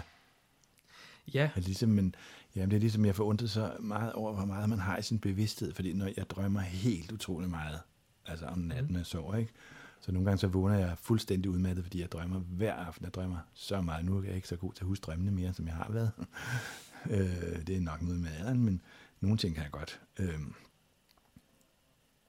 ja, man, jeg kan bare utroligt, hvad der ligger i den under, underbevidsthed, fordi nogle gange så, så møder jeg i min drømme møder nogle mennesker, jeg ikke har tænkt på i 20 år, 25 år, Ja. som dukker op. Ja. Og så, hvor kommer det fra? Og, hvor, Ja. og jeg har ikke tænkt på dem. Øh, de kommer bare pludselig. Mm. Eller, nogle gange så kommer der mm, ting, fordi man har mødt et eller andet menneske, så kommer de op i drømmen eller sådan noget. Men, Ja. men sådan noget, der er så langt tilbage. Uh, ja, og jeg drømmer også stadig om min far, der døde i 1990. ja, Og han, han var syg, da han døde, men når jeg, han dukker op en gang mellem mine drømme, så er han stadig sådan forholdsvis Ja. ja. gammel, men rask. ja. Og hvor Ja, kommer det fra? ja. ja. Hvor kommer det fra? Altså, Ja. jeg har også øh, nogle gange drømme om, øh, jeg kan sjældent huske mine drømme, Nej. men, men når jeg kan, øh, synes jeg ofte, jeg har drømt om nogen, jeg har gået i folkeskolen med engang. Ja, ja, det er det, jeg det været kan pludselig. rigtig bekymret for, eller virkelig ønsket, bare, bare det nu er gået godt med dem. Ja, ja, Men jeg aner det ikke. Nej. Egentlig kunne jeg jo bare øh, finde dem og skrive til dem, Ja. eller et eller andet, men men der har du Ja. også haft lyst til altså, at opsøge nogen, som pludselig dukker, gud ja, hvad er der blevet af ham herinde, og så prøve at google, altså, finde dem på Facebook eller Ja. Instagram. Ja. ja, Ej, nu ved jeg godt, nu optager du det hele, men kan man Ja. ja. godt holde en pause, jeg kan, det kan vi tisse? sagtens. Det kan vi sagtens, ja. Øh, Og lige ja, ved- lad den bare rulle, og så Okay. okay. du ud bagefter. Ja. Jeg går lige på toilettet. Hej vel. Så er jeg tilbage. Øhm, jeg sad lige her og, øh, og tænkte på øh, et begreb fra øh, en af mine yndlingsfilm, Fight Club, øh, hvor han, øh, han er sådan en omrejsende øh, sælger eller forsikringsmand eller et eller andet, Ja. og så siger han, alt det han, han, han får, det er sådan noget engangs en, en engangssæbe, et engangs håndklæde, Ja. engangs det ene og det andet, og, og alle de mennesker, han snakker med, det er engangs venner, Ja. som for eksempel, da man sidder ved siden af i flyet, og, og så videre. Og, og så tænker jeg bare, du må have, altså jeg har lige været på en, en ferie, hvor jeg synes, jeg fik en masse engangsvenner, Ja. Og, og, og jeg savner dem faktisk lidt. Ja. Øh, men du må jo have enormt mange, som du har mødt en enkelt gang. Ja, ja, det har jeg også. Det, ja, jeg sad faktisk og tænkte på, at øh, ja, det er meget mærkeligt, men jeg har mest, jeg har faktisk kun unge venner. Altså Ja. yngre venner fra at 19 år og så op til ja, midt i 30'erne, der er det de Okay. fleste. Jeg har meget få på min egen alder, og, Ja, øhm, men selvfølgelig, ja, og, og engangsvenner, det har man jo også. Altså når man laver for eksempel en forestilling, så er man jo en familie i tre måneder, ja, og man er så tæt sammen, og så bup, så forsvinder man, og så kan det være, at man aldrig ser vedkommende, eller så går der 10 år, eller ja, på den måde. Og ellers, så møder jeg jo så mange mennesker, og så, altså, så med alderen, så bliver man, det bliver sværere og sværere at huske, hvorfra. Altså, hvor var det nu? Og, sådan, og, jeg, og man har, Ja. ja. jeg, jeg, er virkelig dårlig til at huske navne, sådan, øh, og det er jo virkelig ikke ondt ment. Sådan, det synes jeg er så pinligt nogle gange, når jeg ikke kan huske, nu kunne jeg jo ikke huske, at hun hed Birgit. Birgit. Ja. Ja. Nej, men hvad, hun, har, hun har gået rundt og været meget pinlig over, at hun kom til at kalde dig Torben Seller. Nå ja, det er rigtigt, det gjorde. ja, men det... Det skal du absolut ikke være. Nej, nej, nej. Jeg er blevet kaldt alt muligt. Du vil kalde alt ja. Men øh, ja, med engangsvenner. Jo, Ja, jo, altså... Ja, men det er jo måske ikke nogen, jeg savner sådan noget, fordi det er så kort. ja, Men altså alligevel så, ja. Ja, jeg har også fået en masse venner sådan via Facebook, og, som skriver til mig, og, ja, eller jeg skriver til dem, eller ja. ja, Men jeg er også nysgerrig, jeg er nysgerrig med, så jeg er nysgerrig på de mennesker, jeg møder, og sådan, ja. ja. Ja, Men du kan jo, altså, du må jo have venner dig til det i et eller andet omfang. ja men altså, princip, altså og være sådan, videre. øh, rigtige venner, det har jeg ikke. Jeg har, jeg har ikke særlig mange venner. Okay. Det har jeg ikke. Jeg, har, jeg, jeg på den måde er sådan en meget privat menneske også. Ja. Altså, jeg hader og sådan, og jeg vil gerne give interview, men jeg kan ikke lide din kulørte presse, sådan, hvor, for, fordi Nej. det går aldrig så særlig dybt, de er så overfladiske. Og, Mm. Øh, når jeg er til pressepremiere, øh, som jeg tit er, så plejer jeg sådan, det er begyndt på at gå udenom den røde løber, eller sådan, ja, Okay. jeg orker det ikke rigtigt, sådan, men jeg vil jo gerne gøre det for at være, ja, for at, at hjælpe det produkt, jeg nu er, er med i, eller, Ja, men jeg er ikke så glad for det. Men, øh, og jeg har ikke særlig mange venner, jeg er ikke særlig god til at knytte øh, nært, sådan kn- tæt knyttet venskab. nej, Min kreds er meget lille. ja. Jeg kender så mange, og jeg har Undskyld, der er nogen, der nogen, der banker. banker helt vildt på, Ja, oh, oh. og jeg får lyst til at se, Hvem det er? det er. Ja, Øh, det er nogen, der er desperat ved ud. Det er spændende.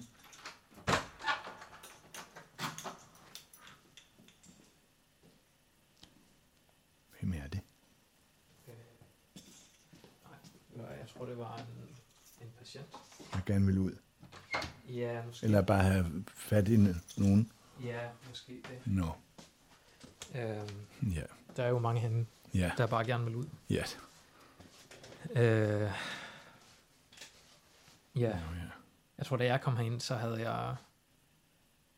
Jeg havde bare den der fornemmelse, at de har fanget mig. Ja. Da jeg spillede ude. Nu Ja. kan jeg lige så godt bare overgive mig, og så bare lægge mig i sengen. Nå. Jo, Gjorde men altså det? på men den- Så, men, så, men, men ja, gjorde du så det? Altså, Ja, men ja, jamen, det gjorde jeg. Altså, så også øh, en stærk medicineret ja, tilstand. du blev sådan meget sløv. Og, Ja, ja, ja. Ja, det gjorde jeg. Øh, men så, altså, det var jo... På den måde var det bedre der, end Nej. sådan, som jeg havde det, inden jeg blev fanget. Altså, Hvor, hvor gammel var du? øh, 30. Ja. Ja, det, Men, øh, hvad- hvad så, boede du alene, eller havde du... ja, jeg boede alene. Ja. Ja.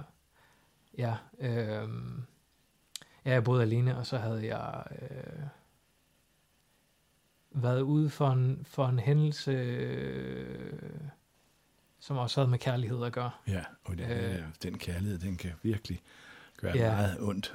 Ja, Og godt, men ja, ja, den kan virkelig, altså det er det, jeg synes er sværest. ja, Øh, men samtidig var der også en masse problemer med, at jeg var hele tiden bekymret for at blive hjemløs. ja, Og øh, og hvad skal jeg lave? Jeg kan ikke øh, holde til at have et almindeligt arbejde. Jeg kan ikke finde ud af noget som helst. Nej. Og, og så øh, havde jeg ligesom bare besluttet mig for, okay, så nu er det, nu er det slut. Ja.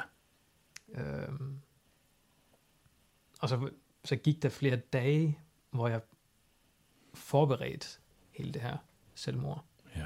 Og pakkede mine ting ned, og skrev navnen på, hvem der skulle have det Åh, ene og det andet, Ja. og, og, og så gik jeg med at skrive et langt øh, brev, Ja. øh, afskedsbrev, og det, øh, det var så, mens jeg skrev det, øh, så havde min øh, bror, så var han blevet bekymret, og Ja. en af mine venner øh, spurgte, hvor, hvor jeg blev af, og så var det ligesom blevet slået alarm til alle mine, ja det var da venner. og godt, de fik gjort det.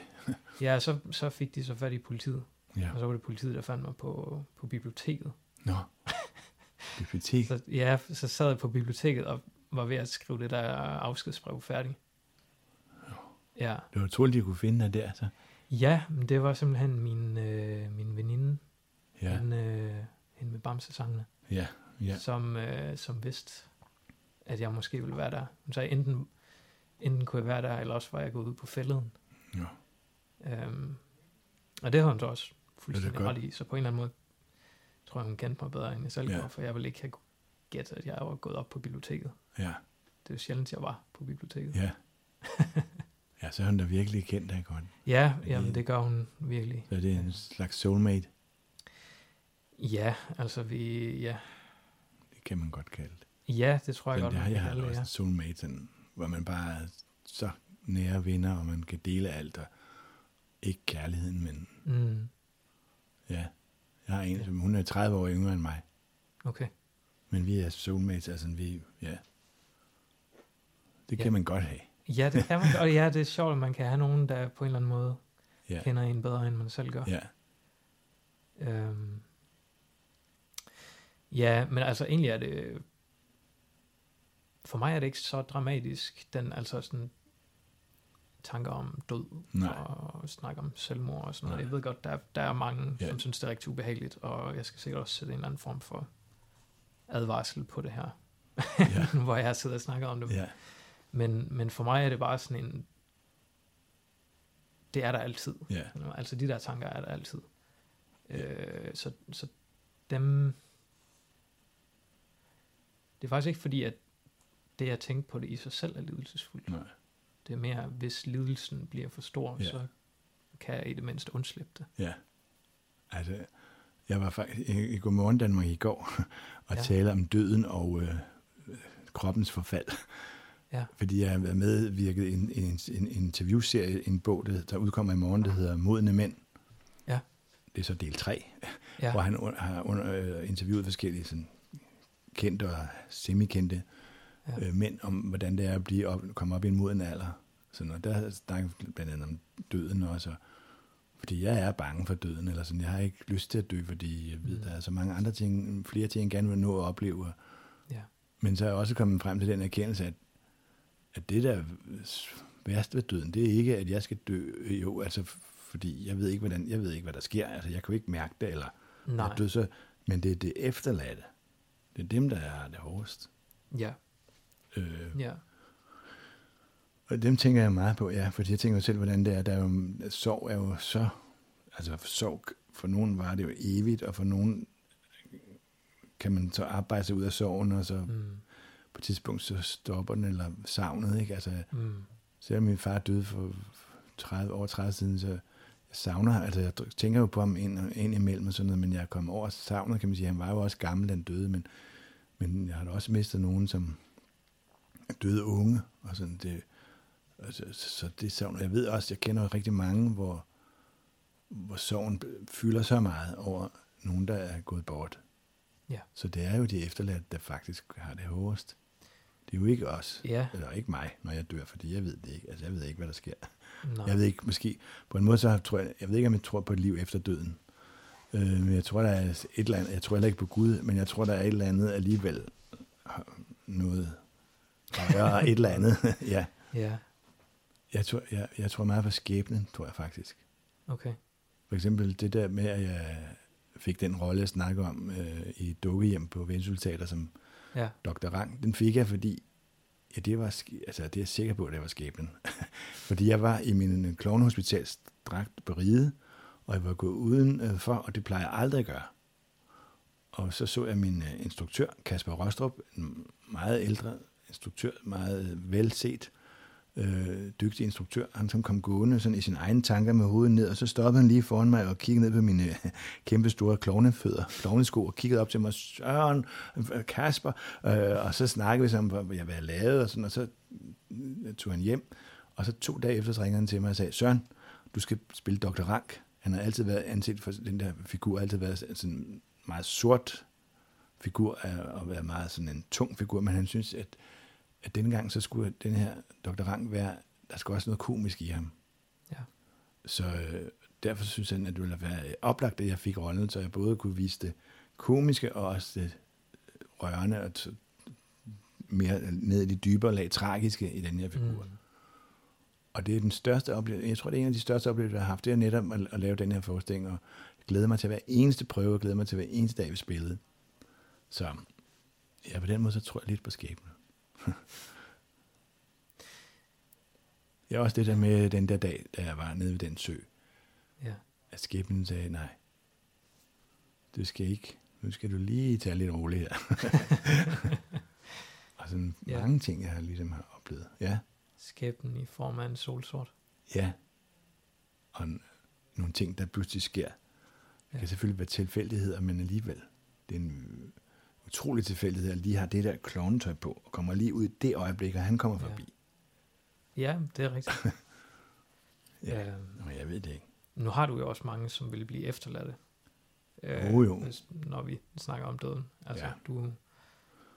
Ellers, jeg har mine døtre, jeg har jo to har- døtre, Du har to døtre, ja. ja. Og min bror og søster og ja. familie.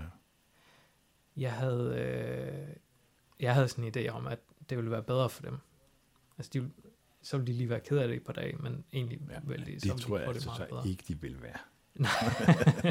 Bare et par det, dage. Det siger de også til mig, at de vil ikke, Ja. ja. men, altså, men i det, Fordi i det var- øjeblik, i de dage, der var jeg helt overbevist om det. Ja, At det ville være meget Ja, bedre ja. for alle, hvis jeg var væk. ja.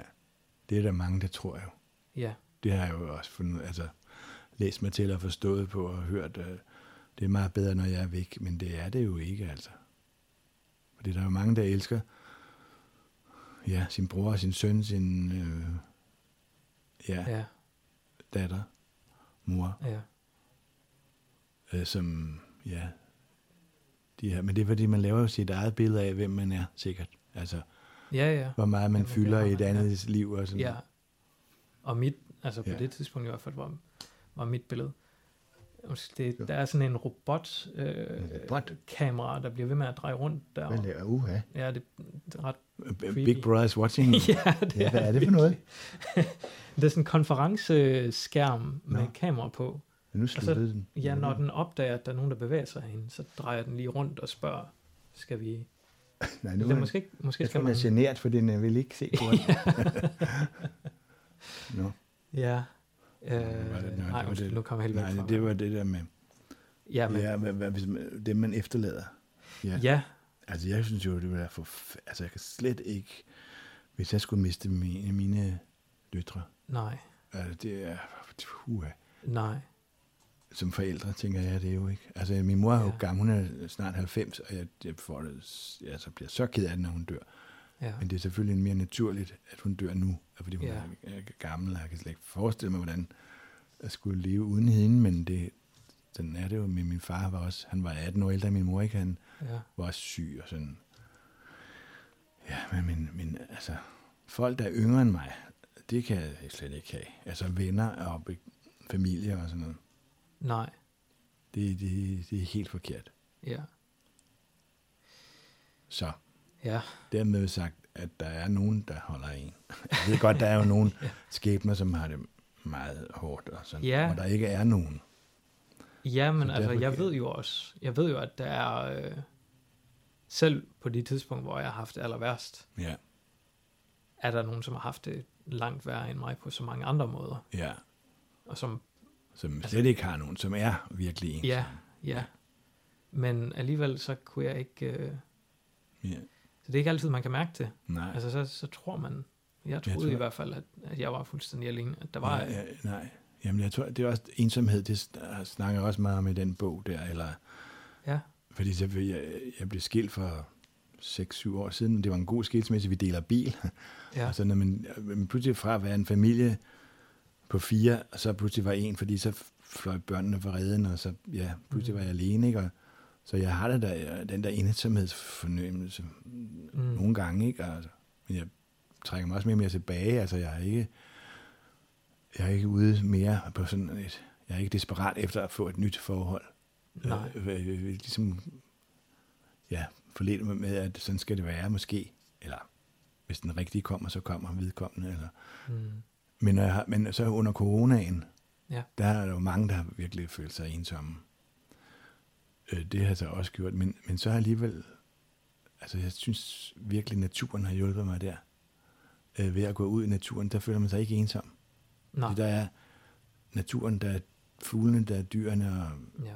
og man, jeg tænker slet ikke, altså for corona, det tænkte jeg slet ikke, når jeg var ude og tog nogle lange ture ud i skoven, cyklede eller gik, så tænkte jeg slet ikke på ro. Altså, det var så langt væk. Fordi der var bare, det var så smukt vejr på det tidspunkt, der var i foråret, der var virkelig mange flotte dage der, ikke? Ja. Og også det nu. Ja. Øhm, ja, det tror jeg virkelig, det er en god helbreder at komme ud i naturen. Ja, jamen det, øh, naturen betyder Ja. også enormt meget for mig nu. Ja. Natur er noget helt andet her på Amager, Ja. end øh, i Thy, hvor jeg kommer fra. Ja. Og du, du kommer fra Bornholm, ikke? Ja. Ja, ja, naturen betyder rigtig meget for mig, at være i nærheden af havet. Og, ja, men, men Amager, der, der opdagede jeg det netop, på en, hvor jeg cyklede en kæmpe lang tur, sådan hele vejen Amager rundt og fældeden, og så sagde wow, der var jo rigtig flot. Der var så mange flotte steder. Jamen det er der.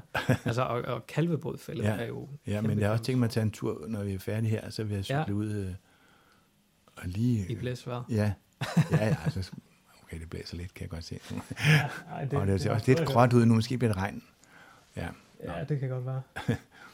Ja, men- det er jo lidt Ja, det blæser interessant, rigtig når meget kigger nu. ud her, at man ser Ja, øh, hegnet. ja, Det, det påvirker en meget, når man er herinde, og ikke har den her nøgle til at Ja. komme ud. ja, det kan jeg godt forstå. Ja, Der er ikke så meget natur lige her. nej. Nej, jeg tror mest, det der, den hæk, der er, det er for at skærme af, så, Ja. så man ikke går, Ja, forbipasserende ikke går og stiger ind. ja. Men Ja. der er tro- trods alt lidt grønt at se på. Ja. Ikke kun nogle grå betonvægge, eller... Der er Nej. selvfølgelig et hegn, men det er stadigvæk lidt grønt. Ja, jeg er jo et positivt menneske, så jeg ser det positive i. Der er grønt, der er ikke grå betonvæg. ja, det, ja. måske derfor du øh, heller ikke er indtagen. Ja, Ja, måske en jo- medvirkende faktor. ja, det kan jo, ja, det kan jo godt være. Uh, ja, jeg, jeg ved ikke, jeg havde ikke øh, flere ting, jeg sådan Nej. havde tænkt, jeg ville direkte spørge dig om. Nej. Øh, Vi har da også Har- fået en god lang snak. ja, det, vi har snakket i halvanden time. Ja, det er da helt vildt meget. Så, ja, Jamen, øh, Ja, men det så vil jeg var, bare sige mange tak. ja, så vil jeg også sige tak. Det har været en dejlig måde at lave interview på, synes jeg. Ja, Ikke sådan, ja. Fordi så kommer man selv frem til de der lidt dybere svar, eller spørgsmål, ja. eller ja, refleksioner. ja, ja, og det bliver så lidt mere rodet, men det, Ja. ja. Ja, det, det er sådan det noget, passer her, jo meget godt. Ja, Ja. det er jo lidt rodet, Ja, både heroppe og... Det, men det skal det jo også være. ja, Ja, der er, ikke, der er jo nogen, der er meget sådan... Det er i hvert fald ikke systematisk, og ting Nej. skal være sådan og sådan. Og nej, det, det er det der med at er improvisere. Det er jo meget mere... ja. Ja, Og hvad så, hvis det er, ja, en, som du siger, fra de kulørte blade, ja, øh, så er der jo også altid den der vinkel på med, det skal være en historie. ja. Der skal en historie ud af det her. Ja. Jeg ved ikke helt, hvad Nej, hvad Historien historien er er, her. men det er, der er mange historier. Så. Ja, historien er, at vi er mennesker. Ja, og vi indeholder så meget. Og Ja. det gør alle. Man skal bare finde den rigtige vej til at få det ud. Ja, tak. Ja, selv tak.